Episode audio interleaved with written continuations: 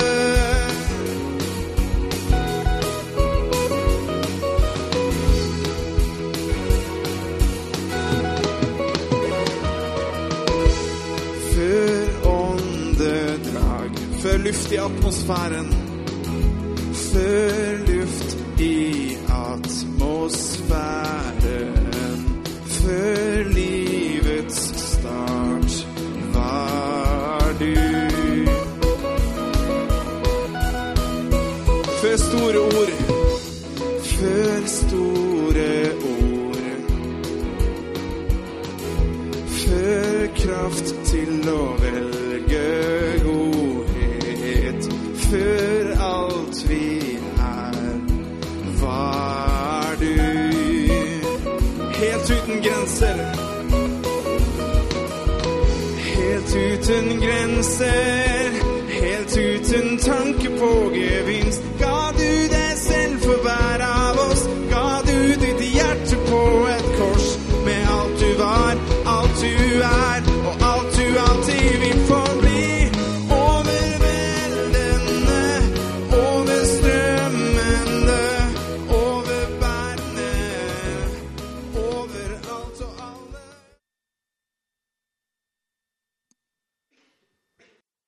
Så bra.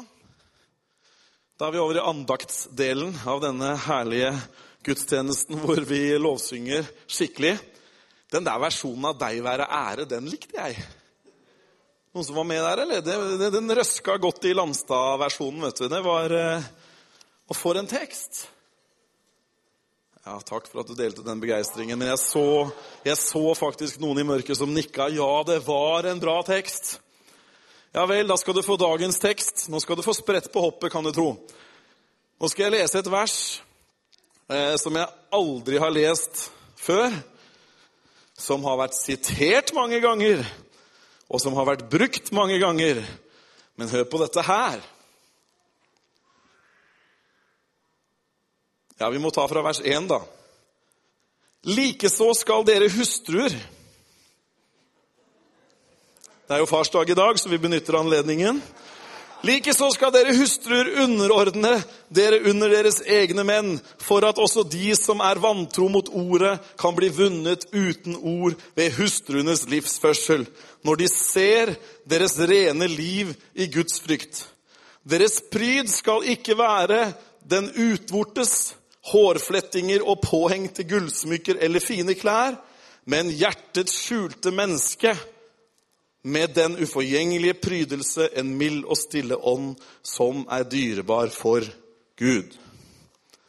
Amen. Jeg sa jo at det skulle være en liten andakt. Vet du hva andakt betyr? Det kommer av det tyske 'å tenke på', andenken. Og det å tenke på Guds ord, det er noe utrolig bra, for ofte så tenker vi om Guds ord at vi får det servert, vi fatter det, vi har tatt poenget, og så går vi ut. Men det står mange steder i Bibelen om å ta til seg Guds ord og grunne på det. Og tenke på det, og meditere på det, og studere det osv. Og, så og det kan hende, i hvert fall så er min hensikt denne her formiddagen Nå får vi se akkurat hvor lenge stemmen holder. Men min tanke for denne formiddagen og for det jeg skal si, er at du skal få noe å tenke på. Det er fantastisk at vi har en evne til å tenke.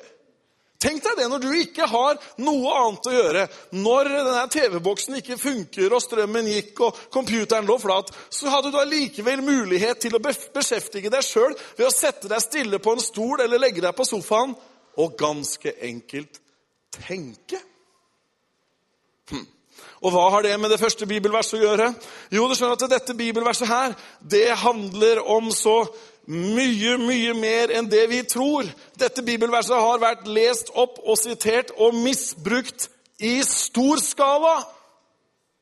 Ja, nei, Pass på at ikke det blir for mye gull. Pass på du har hull i ørene. Og Jeg var ikke født engang da, men jeg har hørt historier om hvordan disse påbudene Og da spesielt så kunne man liksom rakke litt ekstra ned på kvinnene. da.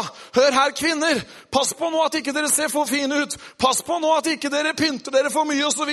Men det skal være hjertets skjønnhet. Du skjønner, Hele poenget med det verset her, det er ikke at det er et vers mot Accessorize og andre butikker. Poenget er liksom ikke at gullsmedenes tid er over og slutt å se ålreit ut. Og det er i hvert fall ikke et vers som forsøker å trykke kvinnen ned i det hele tatt. Men helt annerledes så er det faktisk et vers til oss alle som setter fingeren på det som betyr noe. Nemlig hjertet. Jeg skal snakke litt om hjertet i dag. Og jeg skal gi deg noen spørsmål, og jeg ber om at vi kan ha åpne hjerter når jeg stiller de spørsmålene. Har du et åpent hjerte? Ja, Noen har et åpent hjerte, og noen får det kanskje etter hvert. jeg vet ikke. Men i alle fall så er det nemlig det, det han prøver å si her, Peter, når han skriver dette brevet, at det er noe som er så utrolig mye mer viktig å bruke tid på enn det ytre. Han sier at det er noe som er så mye mer verdt å investere noe i enn det som kan ses på utsiden, og det er hjertets skjulte menneske. Det som ingen ser. Jeg så på Skavlan her eh, forrige uke. Så du på Skavlan? Jeg tror, Var det ikke Skavlan? da? Jo. Gunhild Stordalen, vet du hvem det er? Hun er gift med han som har litt penger, han Petter Stordalen. Hun fortalte at hun hadde vokst opp på et eller annet lite jorde utafor Kongsberg som het Muggerud. eller et eller annet. Det hørtes jo skikkelig deprimert ut, eller deprimerende ut. Men i alle fall så hadde hun vokst opp i en familie hvor det ytre betydde ingen verdens ting. Hun sa det var akkurat som de ville at vi skulle kjøre en dårligere bil enn alle de andre, bare fordi at det er ikke det som betyr noe.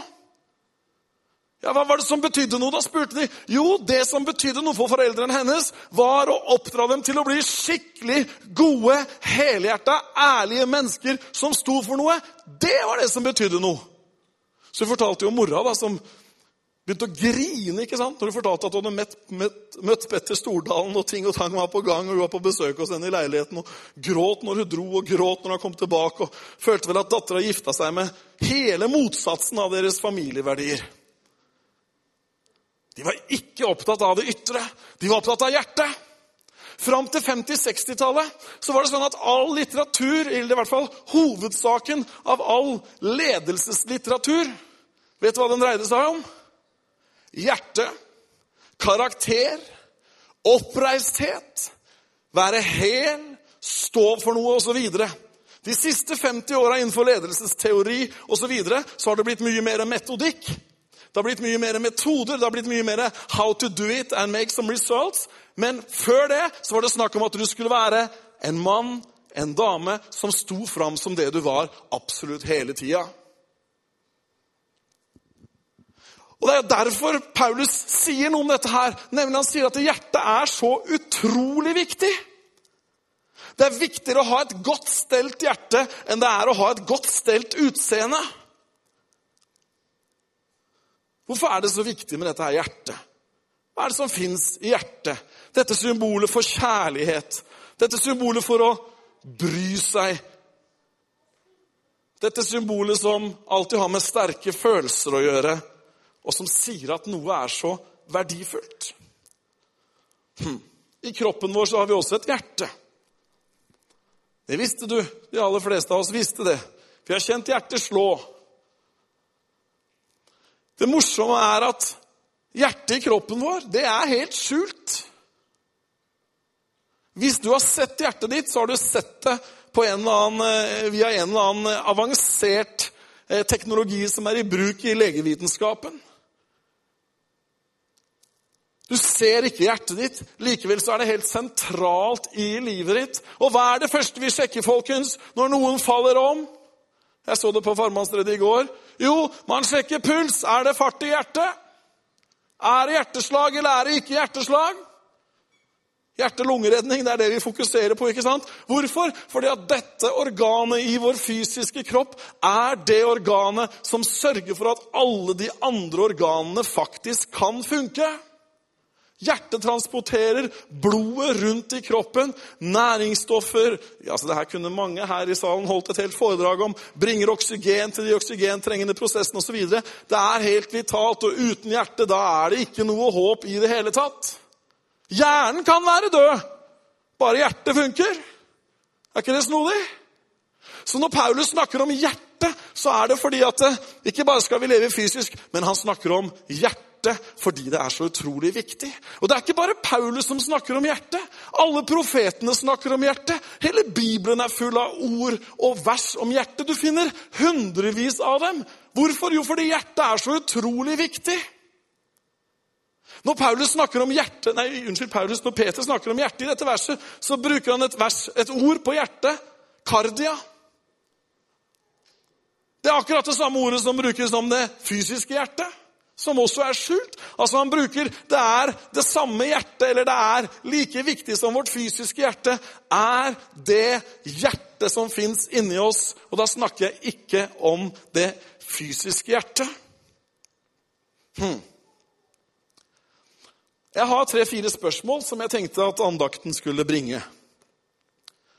Så kan du ta de med deg, og så kan du tenke på de, osv., osv. Og, og for å være helt ærlig så var det noen av de tingene som jeg skal spørre om nå, som jeg tenkte at ja, ja, det er i hvert fall sånn man kanskje kan spørre om fra en prekestol. For det er ikke like lett å spørre ansikt til ansikt alle disse spørsmålene. Og Jeg prøvde faktisk å komme meg litt unna, og jeg begynte på et par andre utkast også til dagens preken, men så var det det hjertegreiene altså, som bare har ligget der, og, og, ligget der i hjertet og dunka. For jeg tror at du og jeg, vi må våge i 2013 stoppe opp og tenke litt og finne ut av hvordan tilstanden i hjertet vårt er. Jeg tror det er kjempeviktig. I Matteus 12, 13, nei, unnskyld, 12, 34 så står det det hjertet er fullt av, taler jo munnen. Det hjertet er fullt av, det taler jo munnen. Hm. Eh, jeg må si at noen ganger, da, og jeg kan godt inkludere meg sjøl i det, men noen ganger så har jeg i, i sosiale settinger sammen med troende, eller en, med en overvekt av troende, eller kanskje bare troende til og med, så har jeg av og til blitt litt overrasket over hva det er som kommer ut av munnen, hvis det er sånn at det munnen taler, er det som hjertet er fullt av. Hmm. Altså, det her er ikke ment for å liksom dunke noen to centimeter ned, eller noe. Det er bare ment for å gi deg en andakt. Det er ment for å gi deg noe å tenke på. Eh, jeg må si Noen ganger så har jeg tenkt at uh, her er visst hjertet kanskje mer fylt av belegningsstein og interiør og feriemål enn det det er av Jesus Kristus, kraften i korset, evangeliet til folkeslagene. Vær et eksempel, vær et lys i ditt nabolag. Og husk at jeg sa at jeg inkluderte meg sjøl i det. Hm. I Lukas 6,4 så står det et godt, hjerte, et godt menneske bringer fram noe godt av hjertet. Og i ordspråket så står det at slik en mann tenker i sitt hjerte, slik er han. Det står ikke 'det en mann sier, det viser hvem han er'. Nei, sånn som en mann, sånn som et menneske tenker i sitt hjerte, sånn er det mennesket. Da hjelper det lite å presentere seg fint. Da hjelper det lite å putte på eh, litt eh, fine klær og et eller annet som gjør at du ser up to date ut.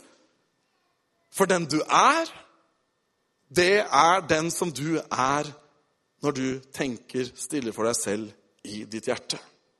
Hm. Det er litt sånn forunderlig at vi faktisk da har muligheten til å se litt inn i oss sjøl og tenke litt hva er det som ligger meg på hjertet? Ja, jeg følger hjertet mitt, jeg, skjønner du. Har du hørt det uttrykket noen gang? Ja, Hva føler du i hjertet ditt, da? Hva føler du i hjertet ditt akkurat nå? Du skjønner at Det å følge hjertet sitt det er en helt fantastisk ting.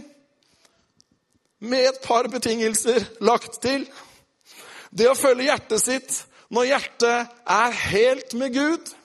Det å følge hjertet sitt når man har tatt imot Han som frelser, og at han bor ved troen i hjertet, det er en helt nydelig ting. Og det er å koble deg direkte på den gudsbestemte hensikten du har med livet ditt. Men det er ikke sånn med alle mennesker at ved å følge hjertet sitt, så kommer man til himmelen. Det er ikke sånn at ved å bare følge hjertets innfall eller det man måtte ha egne ideer, så leder det til en evighet med Gud. Nei, det er ikke sånn i det hele tatt. For hjertet, det kan være hardt. Hjertet, det kan være korrupt. Hjertet, det kan være svikefullt. Hjertet, det kan være dobbelt. Og da er det jo ikke bra å følge hjertet sitt. Er du med på tanken? Hva har du i hjertet ditt? Vet du at jeg får, eh, jeg får sånn utskrift på hjertet mitt hver eneste måned. Jeg er i sånn hjerteprogram på Vestfold sentralsykehus, så jeg får sånn utskrift av EKG-en osv. Nei da. Men skjønner, jeg får en utskrift av hjertet mitt hver eneste uke i innboksen på min nettbankside. Der står, der står det hva Bent Ove har i hjertet sitt. Det står i hvert fall hva jeg bruker pengene mine på. For det er nemlig det neste spørsmålet. Det første var 'Hva har du i hjertet?' Jeg tror det er mange folk med mye bra i hjertet her, altså. Må bare si det. Men det neste spørsmålet er 'Hvor er hjertet ditt hen?' Hm. Så når jeg leser den der, Jeg leser den ikke hver måned engang, for jeg syns det er ganske kjedelig. Jeg har god kontroll på hvor penga går, så det er ikke noe stort greie. Men når jeg setter meg ned og ser på denne utskriften, så står det veldig tydelig hvor jeg har hjertet mitt. Jeg for eksempel, jeg har en stor del av hjertet mitt i huset mitt. Altfor stor del av hjertet mitt er i huset mitt. Det er faktisk en veldig stor del også av hjertet mitt som er i huset mitt. Og så ser jeg på denne utskriften av hjertet til Bent Ove hva jeg velger å bruke pengene på. For det jeg velger å bruke pengene på, det er foruten å dekke de basale behovene, som å bo et varmt og tørt sted og få mat på bordet, så sier de andre utskriftene sier noe om hva som betyr noe for meg, hva jeg har hjertet mitt i. Vet du hva, Det er kjempelett for meg å bruke litt penger på liksom sånne ting som jeg er interessert i. Det er, det, er, det er, morsomt. altså. Hvis du har en hobby eller et eller annet liksom, Tusenlappene vet du, det er ikke noe problem i det hele tatt. altså. Noen som skjønner hva jeg snakker om, eller? Ja, det, er, da, da, det er merkelig. Da forløses det penger, som de kristne sier. Da finner vi løsninger. Hvorfor? Jo, fordi at hjertet vårt er der. Det betyr noe for oss. Nå er jeg glad for at det finnes, da, uten å skryte, men jeg må jo prøve å balansere litt opp, for nå tror du at jeg er en sånn der, uh, supermaterialistisk type som bor i et hus til sju millioner utpå her. Det er jeg ikke i det hele tatt. Men altså, jeg er glad for at det finnes noen punkter på denne utskriften som sier at det er noe annet som betyr noe for meg også. Spørsmålet er hvor er hjertet mitt? Hvor er hjertet ditt? Hm. Hvem er det som vinner prioriteringene? Svaret, det, svaret som kommer fram på det spørsmålet, viser nemlig hvor du har hjertet ditt. Huff da. Er det sant? Ja, det er nemlig det. Og du vet, Det var ikke bare en stor filosof som sa at der din skatt er, vil også ditt hjerte være. Men det var han som vi kaller Herre og Frelser. Han sa det. Sånn er det i bergprekenen. Der hvor hjertet der hvor skatten din er, det betyr det som er verdifullt for deg, der er også hjertet ditt. Hm. Noen ganger så kan vi i hjertene våre ha en sånn litt sånn tosidighet, eller vi kan være bare sånn delvis til stede. I Jeremia så står det et merkelig bibelvers. Der står det Profeten sier da til Gud Han sier, 'Du er nær', sier han om Gud, 'i deres munn, men langt borte fra deres hjerte'. Tenkte jeg når jeg leste det. Kjære Gud. Jeg håper ikke at det er, at det er sånn liksom, mine trosbrødre omtaler meg. Ja da, han hadde bekjennelsen, fine ord osv. Men i hjertet så var han ganske langt borte. Jeg tror det kan skje med oss fra tid til annen. Jeg tror faktisk det kan skje noe med oss som gjør at vi går over på en eller annen sånn maskinell rutine. Vi stikker innom, vi åpner kanskje til og med Bibelen en gang i kvartalet osv. Og, så videre, og vi har en bekjennelse, vi krysser av på spørreskjema. Ja, bekjennende kristne osv. Og, så videre, og til og med når noen spør oss. Men i hjertet så kan man allikevel være langt borte fra Gud. Du vet, du kan synge lovsanger og du kan be fine bønner, men Gud, han vil ha tak i hjertet ditt. Det står at Herrens øye går over hele jorden og søker å finne den som er hel i sitt hjerte med ham. Gud vil ha hjertet ditt. Han vil ha hjertet mitt. Hm. Et annet sted så står det i der Jesaja For dette folket holder seg nær til meg med munnen og ærer meg med leppene, men hjertet er langt borte fra meg. Deres frykt for meg er menneskebud som de har lært. Hm.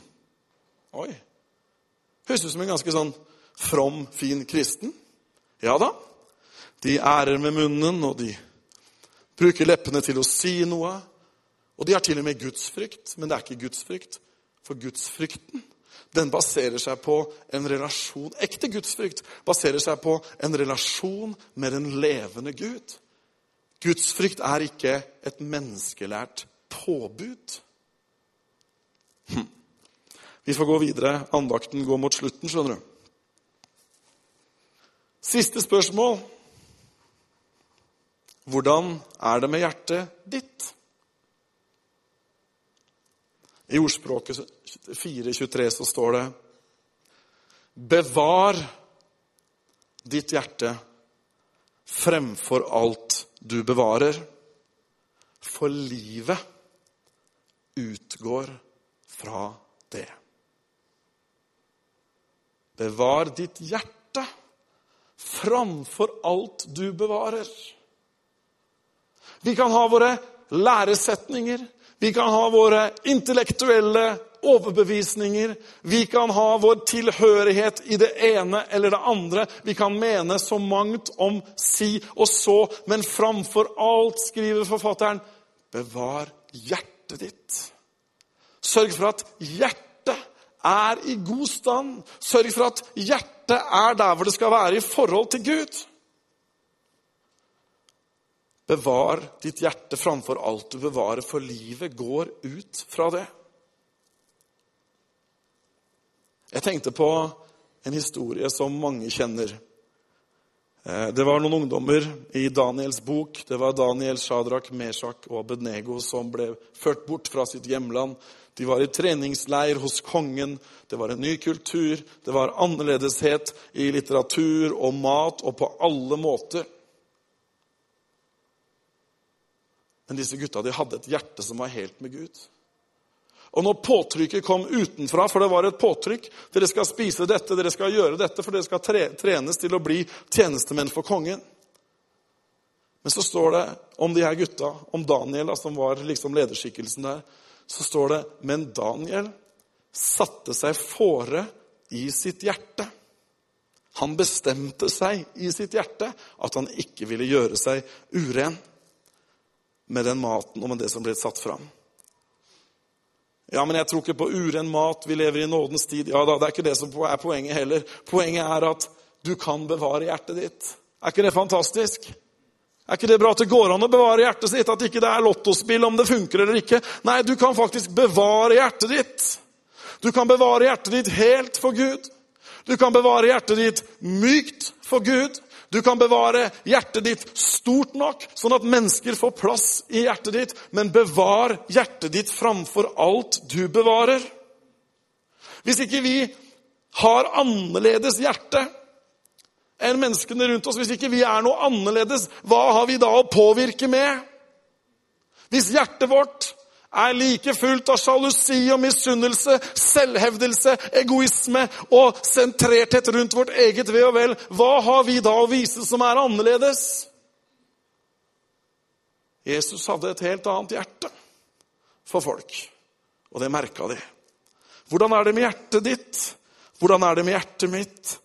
Pass på hjertet ditt. I Jakob 5 så står det 'Rens hjertene, dere som har et delt sinn'.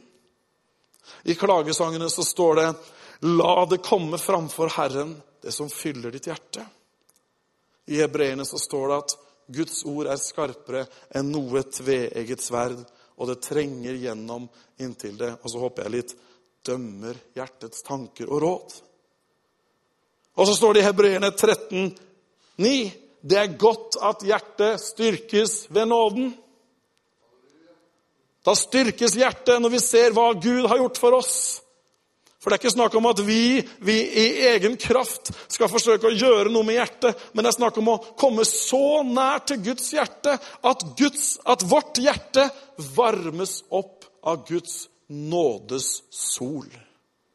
Den var fin. Den hadde jeg ikke skrevet ned engang å komme så nær med hjertet sitt at strålende varmen fra Guds nåde kommer inn og leger hjertet. Gjør det helt. Gjør det sterkt. Derfor er det godt at hjertet styrkes ved nåden. Hør på det her de siste to minuttene. Gud, han nemlig, det er nemlig sånn at Gud han vil ha hjertet ditt. Han vil ha hjertet ditt. Det står at Guds kjærlighet er utøst i våre Ja, Guds kjærlighet er utøst i våre hjerter. Og så står det også fordi dere er barn, har Gud gitt sin sønns ånd i våre hjerter. Et annet sted så står det han vil styrke våre hjerter. Han vil gi våre hjerter nytt mot. Og så skal jeg avslutte med et bibelvers, og der står det og det er oppfordringen til hver og en her i dag. Så la oss da tre fram for Gud med et sannferdig hjerte, i troens fulle visshet, med hjertet renset fra en ond samvittighet. Amen. La oss komme fram. La oss søke Gud. La oss tenke på Herren. Gud vil ikke at vi skal være mennesker med et hardt hjerte som er langt borte. Han vil at vi skal være mennesker, hans barn, som er nær, sånn at hjertet hans, nåden hans, varmer opp hjertet vårt. Og du vet, når vi varmer opp hjertet vårt, når hjertet varmes opp, da kommer skattene på rett plass. Med andre ord så kommer hjertet på rett plass. Amen. Herre, jeg takker deg for ditt levende ord takker deg for eh, at du er den som har fylt våre hjerter med din kjærlighet. Og Herre, jeg takker deg for at vi kan få ta til oss av de ordene som vi har delt fra ditt ord i dag, og så kan vi kjenne at vi kan få lov til å rense hjertet hvis det trengs å renses. Hvis det trengs å justeres osv. Men Herre, vi ønsker å være folk som bevarer hjertet vårt framfor alt vi bevarer. Sånn at vi kan ha et hjerte som er vendt mot deg. I alle livets faser. Amen. Jeg gir alt til deg, for jeg vet du vil ha det.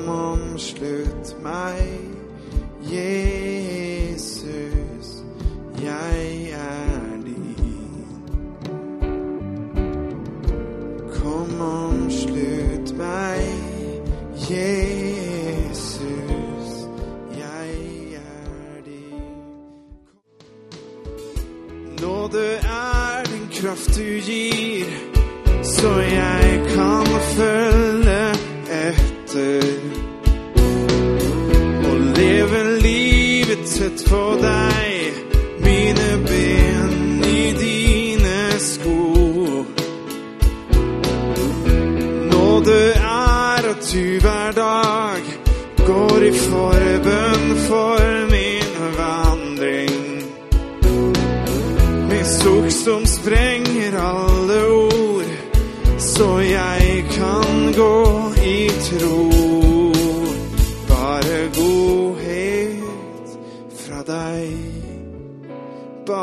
godhet fra deg.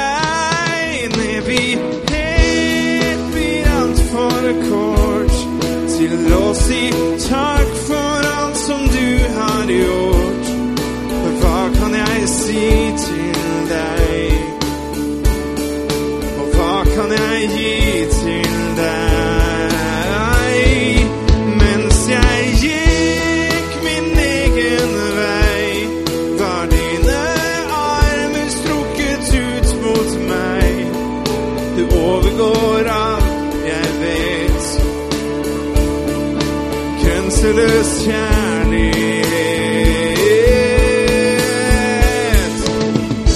Nåde over hva jeg ser. Nåde over hva som skjer. Nåde som vil sette fri. Nåden kommer, nåden blir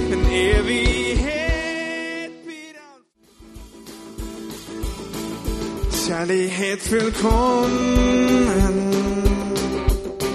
setter ødelagte liv i stand. Sannheten og livet. Døden er møtt sin overmann. Oh! Høyhet og kraft, uovervinnelig makt. Alt er i deg. Seier, Herre, du regjerer overalt. Du har vunnet overalt i verden. Seier, Herre, jeg elsker alt du er. Du har vunnet mitt hjerte. La,